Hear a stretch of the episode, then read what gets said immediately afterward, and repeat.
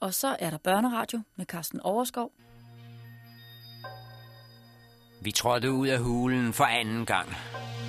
Tavse og tungsindige efter at have set døden i øjnene. Både den fjerne død og den helt nære. For vi havde stået ansigt til ansigt med to lig den morgen. Og da vi kom ud af hulen, var det som om naturen tog del i vores tungsind. Morgensolen var forsvundet.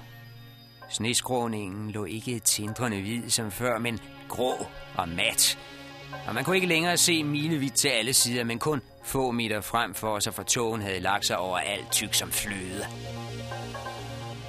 I de få minutter, vi havde været inde og tage afsked med de to døde, havde alt forvandlet sig udenfor.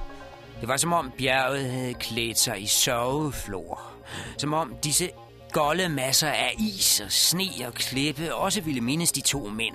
Den gamle portugiser, der havde ligget død 300 år, og Fenføgel, som var frosset ihjel for en time siden. Det var som om dronningen af Sabas barm havde hyldet sig i et tæt, gråt slør for at bære sorg. En sorg lige så tung og trykkende som den vi følte, da vi trådte ud og forlod deres gravkammer. Den klippehule, hvor de to lige skulle ligge dybfrosne i al evighed. Sådan var det selvfølgelig ikke. Naturen sørger aldrig over sine døde. Vi var blot løbet ind i det fænomen, vi havde bemærket nogle dage før, da vi så bjergene nedefra, nemlig at de står lysende klart i det allerførste morgenlys, så man ser tænderne tårne sig op i deres fulde højde mod himlen, men kun i nogle få minutter hver morgen. Straks efter solopgang begynder der at danne sig dis om de to bjergtoppe, der kaldes dronningen af Sabas bryster. En dis, der snart bliver til tåge, for til sidst at ligge som en sky, fuldstændig skjuler de øverste 3.000 meter. Det var det, der var sket nu. Vi var simpelthen kommet op i skyerne.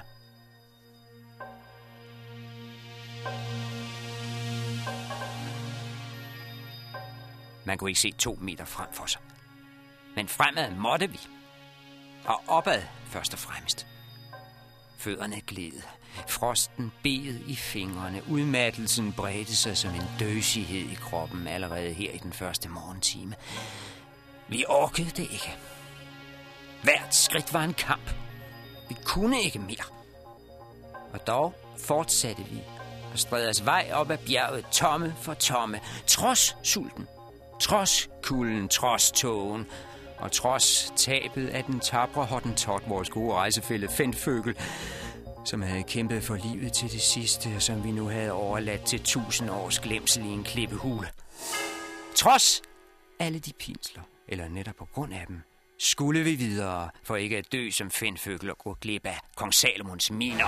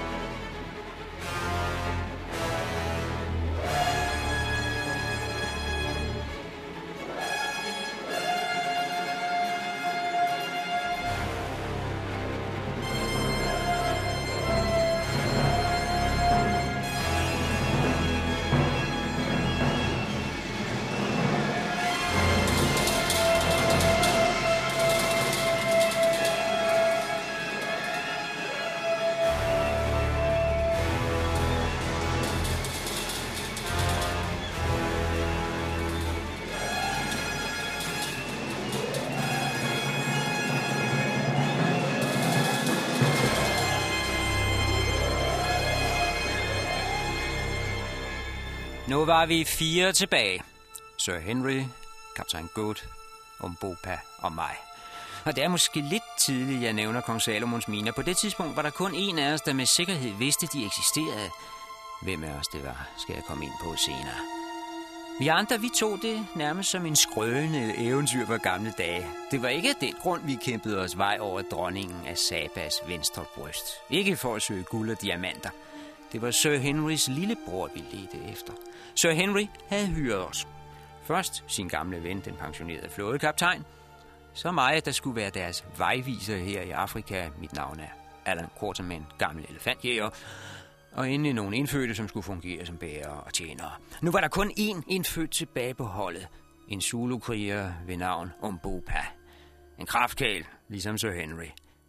Men ingen kræfter var evigt. Selv den stærkeste risikerer at bukke under, før han er fremme ved kong Salomons miner.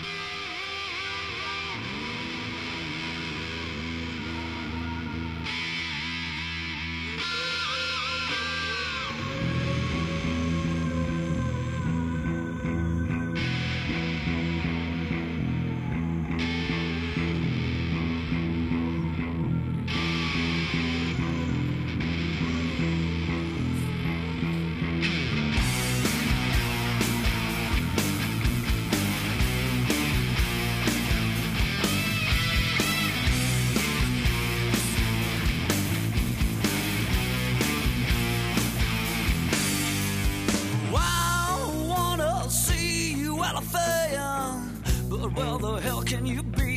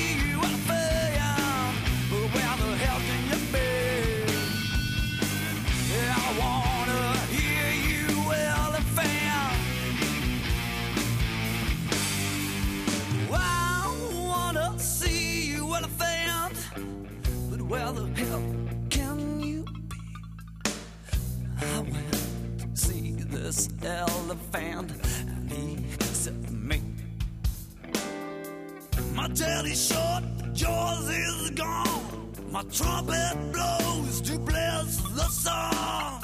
Your path is left to die. Your mind is never high.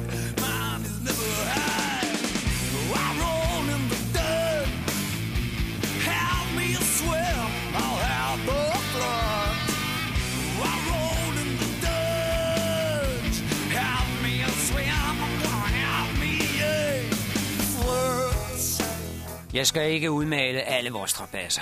De lader sig alligevel ikke gengive i alt deres gro. Udmattelse er en svær ting at beskrive, og risikerer at ens tilhører til sidst bliver lige så træt, som man selv var dengang. Derfor vil jeg indskrænke mig til at sige, at intet er så fortvivlende som at krybe op ad en isbelagt bjergside, uden at vide, hvor toppen er, fordi alt er indhyldet i tåge. At stræbe mod et mål, man ikke ved, hvor er. At kæmpe sig vej, uden at vide, hvor langt der er til målet, hvis der overhovedet er et mål. For der kunne lige så godt åbne sig en afgrund under fødderne på os næste gang, vi tog et skridt, så alle vores anstrengelser var spildt og endte et styrt ud i intetheden. Men ikke et ord mere om det. Frelsen var tættere på, end vi anede. Da vi havde kravlet op af cirka en kvart kilometer, sker der det, at togen pludselig letter. Bogstaveligt talt. Skymasserne glider til værs som tæppe, der går op på et teater. Det viser sig, at vi er kommet over en bjergkam, og for første gang kan man se om på nordsiden af bjerget. Og 300 meter nede lige foran os ligger en grøn dal. Græs. Frodigt grønt græs, vandet af en bjergbæk, der strømmer ud ved foden af gletsjeren og pipler ned af bjergsiden. 300 meter større var afstanden ikke mellem himmel og helvede. Vores støvler, de stampede stadigvæk i sne. Vi befandt os endnu i en ørken af is og sten. Rent fysisk kunne vi lige så godt have stået på Sydpolen, men dernede, 300 meter væk, lå Afrika. Afrika, når det er smukkest og mest frugtbart, drivende mørkegrønt af fugt og hede. Fødderne frøs, og skægget var stadig stift af istapper, men vores øjne var allerede et andet sted henne. blikket havde for længst kastet sig ud over bjergkammen. Sjælen var allerede nede i den livligt grønne dal. I tankerne lå vi allerede i det høje græs og tog os en lur i den lune luft efter at have læsket os i den rislende bjergbæk og spist os mættet i bær og frugt. Nej, ikke blot bær og frugt, mere end det. Det kunne blive rigtig måltid, for nu så vi, at der også var steg i vente. Hjertet sprang i brystet på os, og vi var nær selv hoppet ud fra klippen for at tage de 300 meter i et styrtdyk og kaste os over byttet som ørne.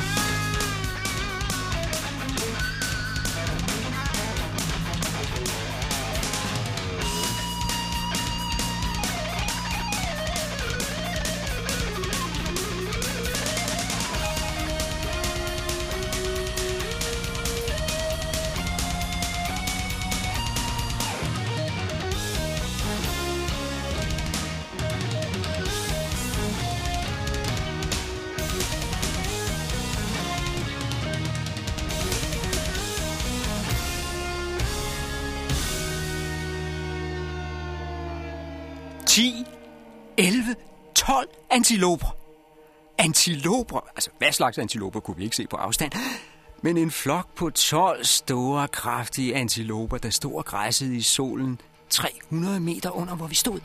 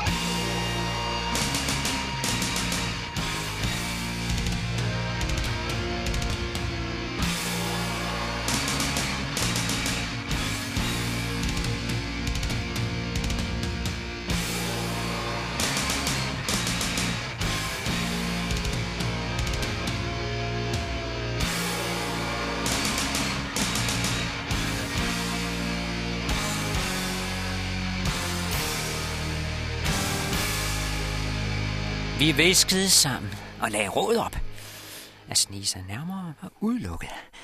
For det første bare vinden ned mod dyrene, så de hurtigt ville få færden af os, og for det andet så skulle man ned over den kridhvide gletsjer, hvor vi kunne ses alt for tydeligt. Altså, der var ikke andet at gøre end at forsøge et skud fra den afstand, vi var på nu, cirka 300 meter. Spørgsmålet var, om vi skulle vælge Winchester-rifle eller Express-rifle. Og meget naturligt var det mig, der blev spurgt som gammel rutineret storvildt jæger. En virkelig vanskelig afgørelse.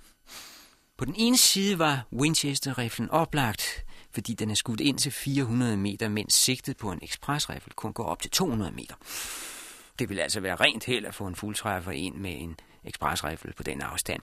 På den anden side er det knald eller fald med Winchester-riflen, fordi det enkelte projektil skal ramme mens ekspresriflen er til havlpatroner, som sprænges i små stykker på vej ned mod byttet, og således spreder sig ud over et større felt i målområdet.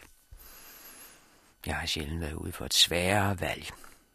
Det drejede sig om liv eller død for os fire. Og der var argumenter for begge typer rifler. Men jeg måtte træffe en beslutning, og der skulle handles hurtigt.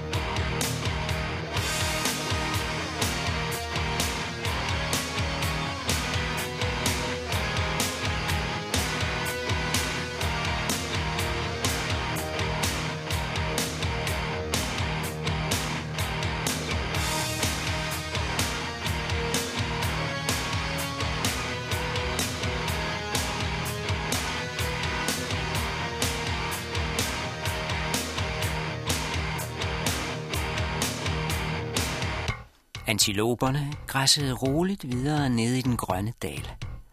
Men hvor længe? Blot den mindste lyd kunne gøre dem vaksomme eller ligefrem skræmme dem bort. Jeg tyssede på de andre og gav tegn til, at de skulle stå helt stille. Bare en isklump, der trimlede ned af gletsjerfladen, revet løs af en uforsigtig bevægelse med en støvle. Det var nok til at jage alle dyrene bort. Der var ingen tid at spille.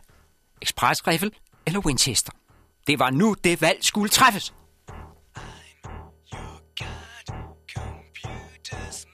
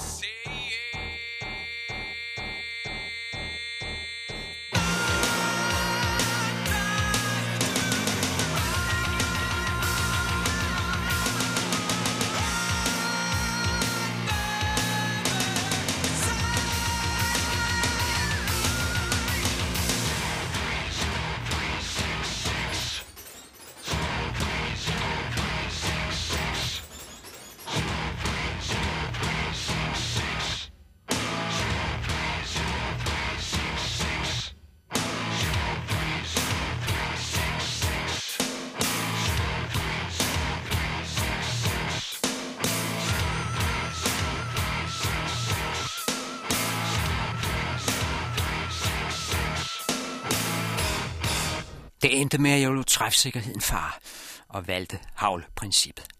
Jeg viskede til de andre, at vi skulle lade vores ekspresrifler. Det vil altså sige os tre hvide mænd, og Boba han havde kun sit spydmand udstyr, ikke de sorte med skydevåben. Jeg sagde, vi sigter på hver sin buk. Tag den, der står lige ud for næsen. Sigt på antilopens skulderparti, men sigt en anelse for højt på grund af afstanden. Og du, Boba, du giver tegn. Vi skal skyde samtidig for enhver pris. De tre ekspresrifler blev ladt med den yderste forsigtighed, mens Umbopa stirrede ned på dyrene og vogtede på hver af deres bevægelser. Lidt efter løftede vi vores tre geværløb, lag an og tog sigte i den dybeste stillhed. Det øjeblik var skæbne svangert, og jeg tror ikke nogen af os trak vejret i det halve minut.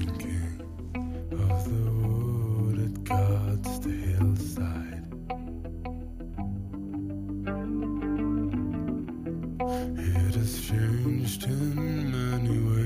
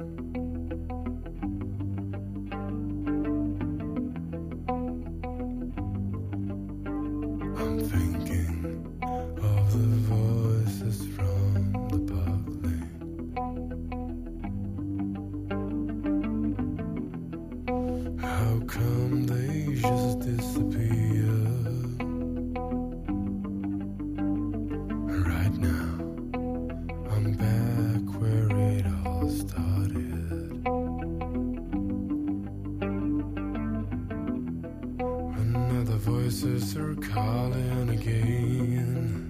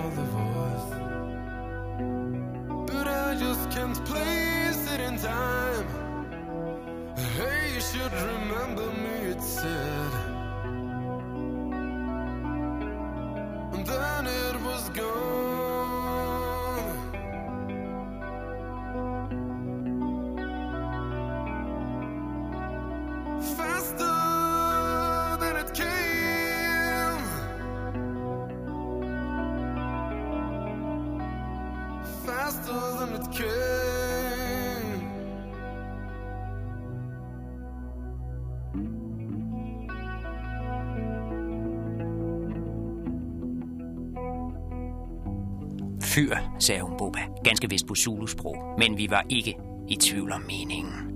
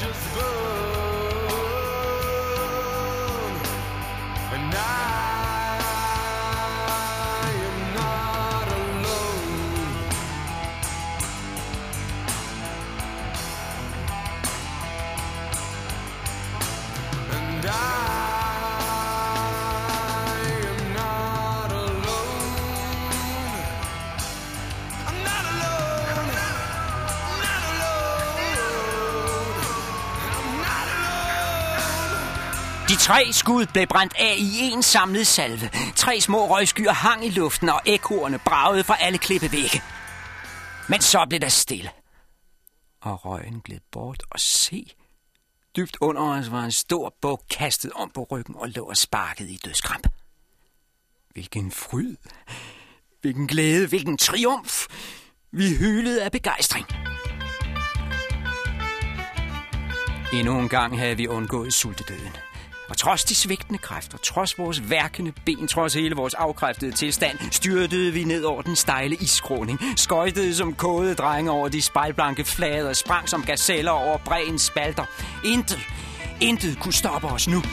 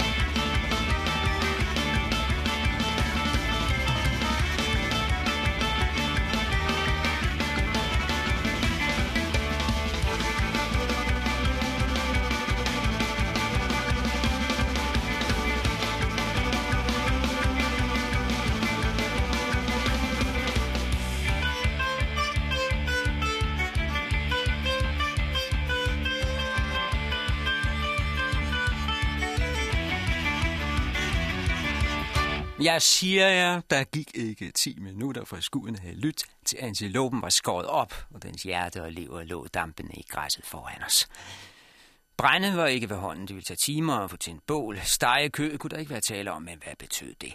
Jeg for min del, sagde kaptajn Good, mens han prøvede at få dyreblodet gnede af sin monokkel. Jeg ser ingen grund til at være kredsen i den situation. Jeg er parat til at æde det kød i rå tilstand. Det var vi alle. Fine fornemmelser var der ikke plads til. Det var ægelt. Det var frastødende. Det var i modstrid med enhver civiliseret opførsel. Men vi tog antilopens hjerte og lever, kølede det af i bjergbækken, og så spiste vi. Uden hæmninger huggede vi tænderne i de blodige indvolde. Uden mindste skam lå vi dyreblodet sprøjte fra mundvigen, lå der regne ned af hagen og langt ned af halsen. Den jernagtige smag af blodet bremsede os ikke et sekund. Tanken om, at denne lever havde pulset, og dette hjerte dunket i et levende dyr for få minutter siden, den rørte os ikke. Vi åd, som vi aldrig havde et før. Liv må forgå, for at andet liv kan fortsætte. Den stærke henter sin styrke i andres blod. Det er skabningens evige kamp. Der er kun én ting, der tæller. Evnen til at dræbe. Kun den, der er i stand til at skyde alle hensyn til side og skaffe sig føden uden skånsel, har en chance for at overleve. Den stærkeste har altid ret. Og vi mennesker er de stærkeste. Svagere væsener må dø for at give os den nødvendige næring. Det er en ret, vi har. En ret, indstiftet af vor herre fra starten. Forstår der ikke i første Mosebog, at dyrene er sat på jorden for vores skyld? Står der ikke, at mennesket skal opkaste sig til herre over alle naturens skabninger? Jo, det står der allerede i Bibelen. Det er vores hellige ret. Og som storvildjæger har jeg altid følt, at jeg levede op til Guds ord som god kristen. At det ikke blot min ret, men også min pligt at få nedlagt så mange dyr som muligt. Elefanter, zebraer, gnuer og næsehorn. Det er kryb, som ikke har fortjent at leve et sekund længere, hvis de gør mere gavn som døde. Om jægeren så bare er ude efter lidt elfenben til et fingerbøl, ja, så må hele elefanten lade livet, og dens vældige krop må ligge og rødne op på savannen. Det kan vi ikke tage os af. Det er vor herres vilje.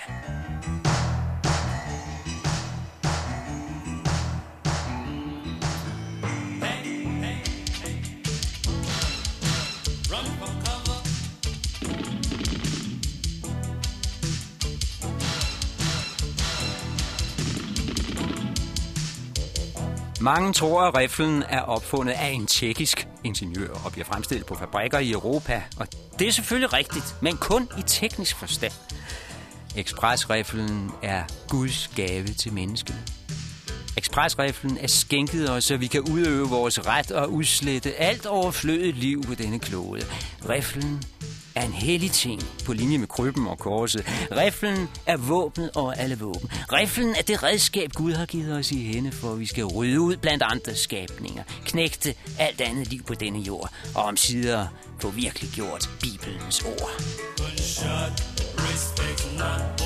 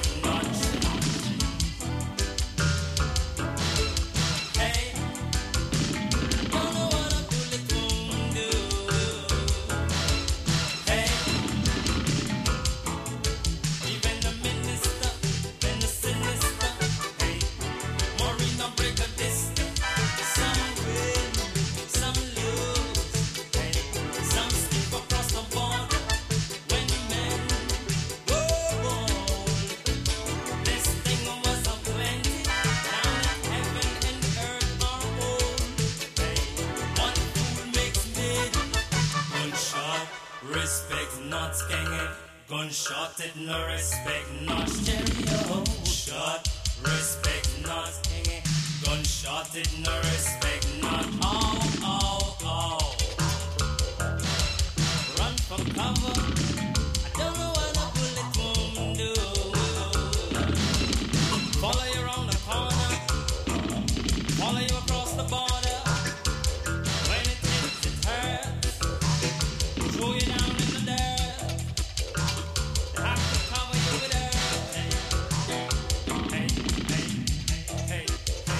Resten af kødet satte vi om Bopa til at skære op. Zuluen han fik besked på at hugge antilopen ud i lunser af passende størrelse, så de kunne ligge i vores rygsætte på den videre vandring. Vi andre slog mave.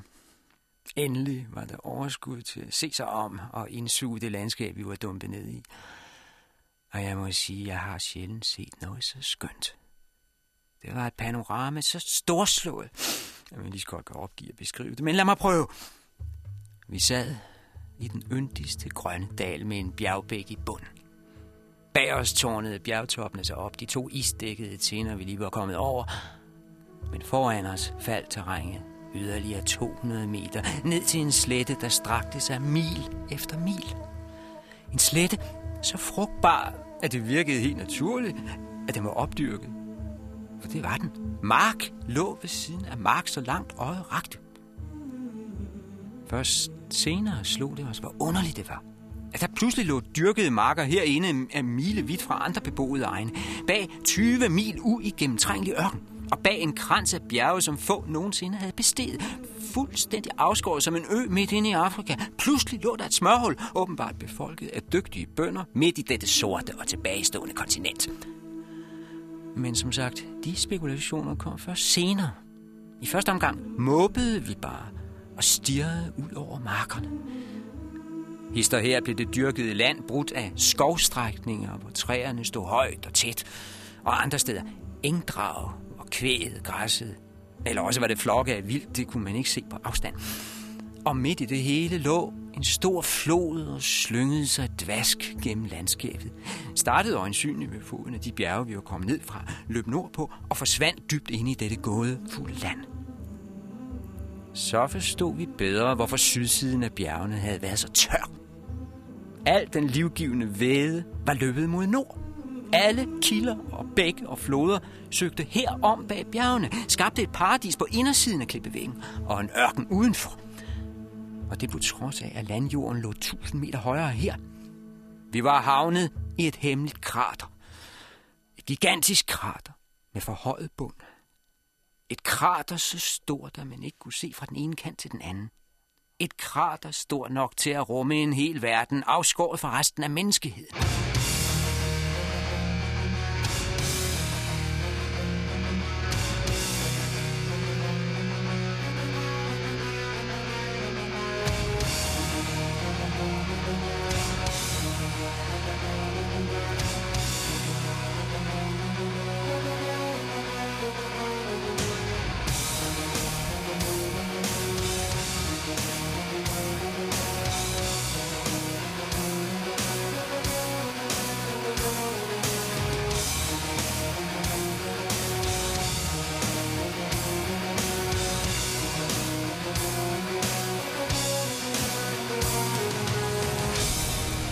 Og det må så være kong Salomons vej, der går dernede, sagde Sir Henry, nærmest som en selvfølge.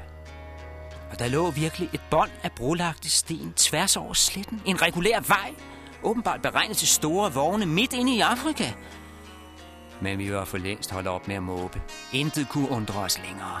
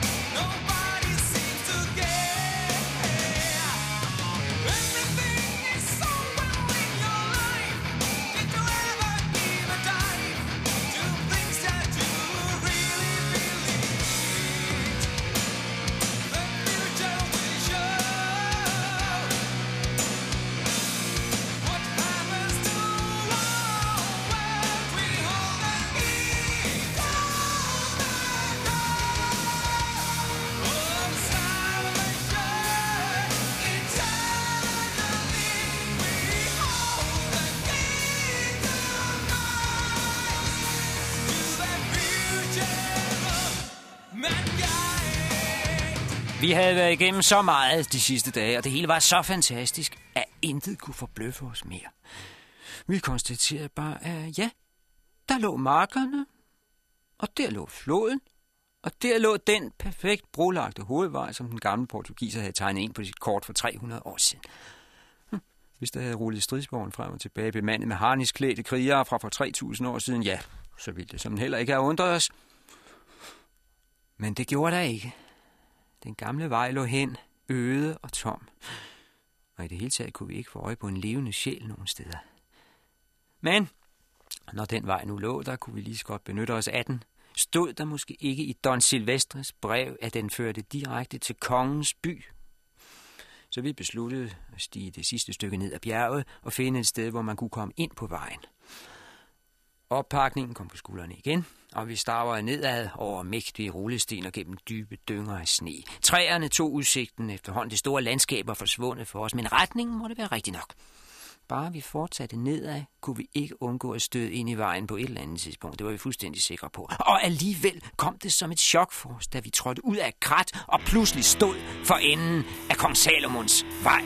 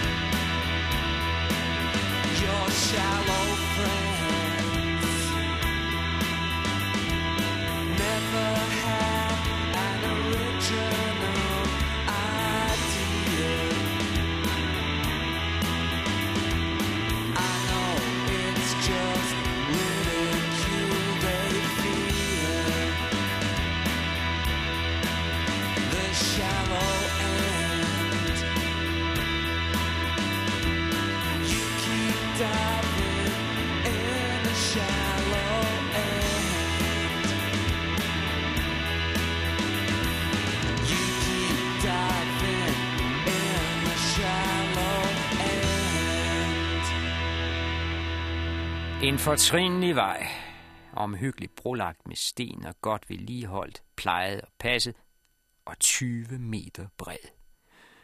Der kunne køre mindst fem vogne ved siden af hinanden, eller 10 ryttere kunne ride frem i geled.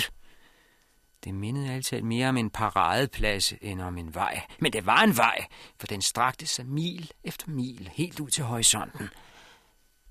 Hvem havde man bygget en kæmpe vej som denne for tusinder af år siden? Og hvorfor? Hvad havde den været brugt til? Hvad skulle de med så bredt et vejanlæg i oldtiden? Altså, man kunne forstå det med vores dages trafik. Det hæslige mylder, vi har af hestedrosjer i enhver stor by. Men ikke engang London har gader, der er så brede. Jeg tror, man skal helt til boulevarderne i Paris for at finde noget tilsvarende. Og det her var jo ikke ligefrem en stor by.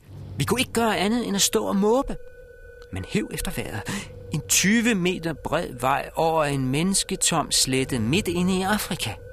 Holdt ved lige gennem 3.000 år til synlandet uden noget formål. De må have haft et enormt transportbehov dengang. Men hvad slags transport? Menneskemasser på march? Eller gigantiske stenblokke, der skulle rulles frem? Eller vogne, så store som huse? Benene rystede under mig. Synet i sig selv var betagende, men perspektivet, det var direkte svimlende.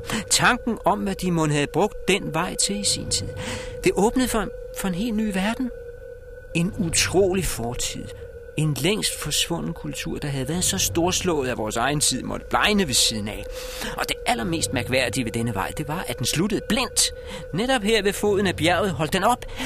Belægningen stoppede pludselig, eller forsvandt ind under stenmasser og snedynger, det er svært at sige, men det virkede som om vejen var et langt tilløb til et spring. Som om man kunne komme farne i fuld fart fra nord, og så sætte af her og svæve resten af vejen over bjergene. Men det er jo det rene frøvl. Ingen mennesker kunne flyve i oldtiden. Hvordan skulle de kunne det, når vi ikke engang kan i vores dage med al den teknik, vi råder over nu? Ja, vi har balloner selvfølgelig, det er klart. Men der behøver man jo ikke tage tilløb. Balloner behøver ikke vældige jordanlæg for at komme i vejret. Nej, jo mere vi så, jo længere vi stirrede på kong Salomons vej, jo mere gådefuld blev den. Et spor af en tabt tid. Et gigantisk levn fra en blomstrende kultur, der nu var gået til grunde og glemt af alle. Et budskab fra en fjern epoke. Et budskab, vi aldrig skulle fatte.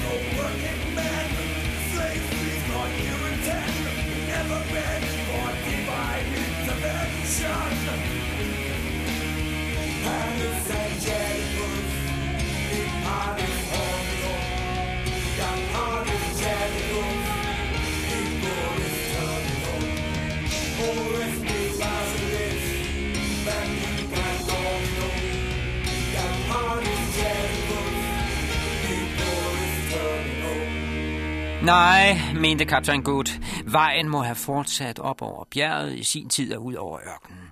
Men efterhånden er den så blevet dækket til af stenskred og laviner, hvem må ved måske, begravet af lava efter et vulkanudbrud. Det må være forklaring. Typisk for den mand er han straks disket op med en simpel jordnær forklaring. Pensioneret flådekaptajn, overomhyggelig for ikke at sige pillen og sippet med alt, hvad han foretager sig, kunne ikke udstå rod og løse ender. Og det er unægteligt noget rod, når en god vej pludselig ender blindt uden nogen fornuftig grund. Kaptajn Gud forlangte at få en forklaring, og hvis ingen andre ville, så kom han selv med den. Sådan var han. Og sandsynligvis havde han ret. Vejen må have ført videre mod syd i sin tid. Måske helt ud til Afrikas kyst, hvem ved? Den kunne umuligt være stoppet her fuldstændig umotiveret. Men det var ingen grund til at stå og fundere over nu. Vi fik alligevel aldrig løst den gåde. Det var nordpå, vi skulle, og i den retning var vejen jo perfekt. Man skulle nærmest tro, den var anlagt for vores skyld. En fornøjelse var det at gå på en ordentlig landevej. Og hvilken fryd at være midt og tilfreds efter alle de døgn i ørken og vildnis, tørke og kulde. Det var alt sammen overstået nu. Vi kunne bjanke, vi kunne le, mens vi gik. Bryde ud i sang, hvis det skulle være. Men det gjorde vi nu ikke. De uhyggelige oplevelser i morges sad stadig i kroppen. Fintføkkels sørgelig endeligt kastede en tung skygge over vores humør. Når alt kom til alt, var det kun et par timer siden, vi havde fundet ham død i den iskolde hule. Så kort før frelsen var den lille hottentot bukket under for frosten. Det var trist at tænke på. Særligt nu, hvor klimaet blev blidere, og vi overlevende fik det lunere og lunere. For hvert skridt vi tog, blev luften mildere. Lugten af grønt græs stod os i næseborene. Det føltes som et frisk bad, hver gang vi trak vejret. Duften af blomster kom drivende over vejen som skyer af parfume. Fuglene kvidrede ubekymret til alle sider, for de kendte ikke til andet end dette paradis.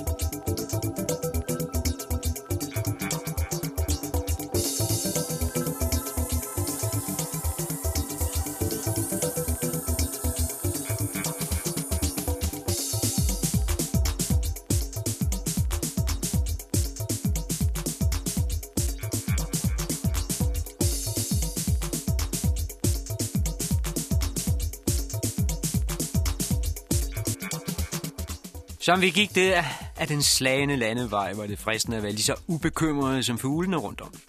Glemme alt om det helvede, vi havde været igennem. Fristende at bilde sig selv ind, at man var hjemme i England, og det her var en uskyldig weekendudflugt med rygsæk i sommerlandet. Alt for fristende. Alene vejen, vi gik på, gav en falsk tryghed. Et fuldendt stykke ingeniørkunst. Vejføringen kunne måle sig med de bedste i Europa – og var mindst lige så dristig som de nyeste anlæg i Alperne, for eksempel ved St. Gotthard. Mange steder var vejbanen skåret ind i klippen, eller rettere sagt, hugget ind i bjergvæggen, så man gik og så direkte ned i afgrunden. Det ville have krævet tonsvis af sprængstof i dag, men det her, det var lavet med hammer og mejsel. Andre steder blev vejen ført over dybe kløfter på massive stenbroer med et vildt vandløb fossen i bunden. Eller vejen knækkede pludselig et hårnålesving og zigzaggede sig op over et højdedrag. Enkelte steder havde bygmesteren trodset en forhindring ved simpelthen at hugge en tunnel tværs gennem. Alt i alt en teknisk bedrift, som man jo ikke forbinder med Afrika. Alting ved den vej virker sig så gennemtænkt, så solidt udført, så betryggende på alle måder. Alene det, at den stadig ligger der efter 3000 år, som om den blev bygget i går, det borger for kvaliteten. Man glemmer nemt, at man befinder sig på det mørkeste og mest primitive af alle kontinenter. Man glemmer det Afrika. Man glemmer alt for nemt de farer, der ligger forude og lurer på en vær, der nærmer sig kong Salomons miner.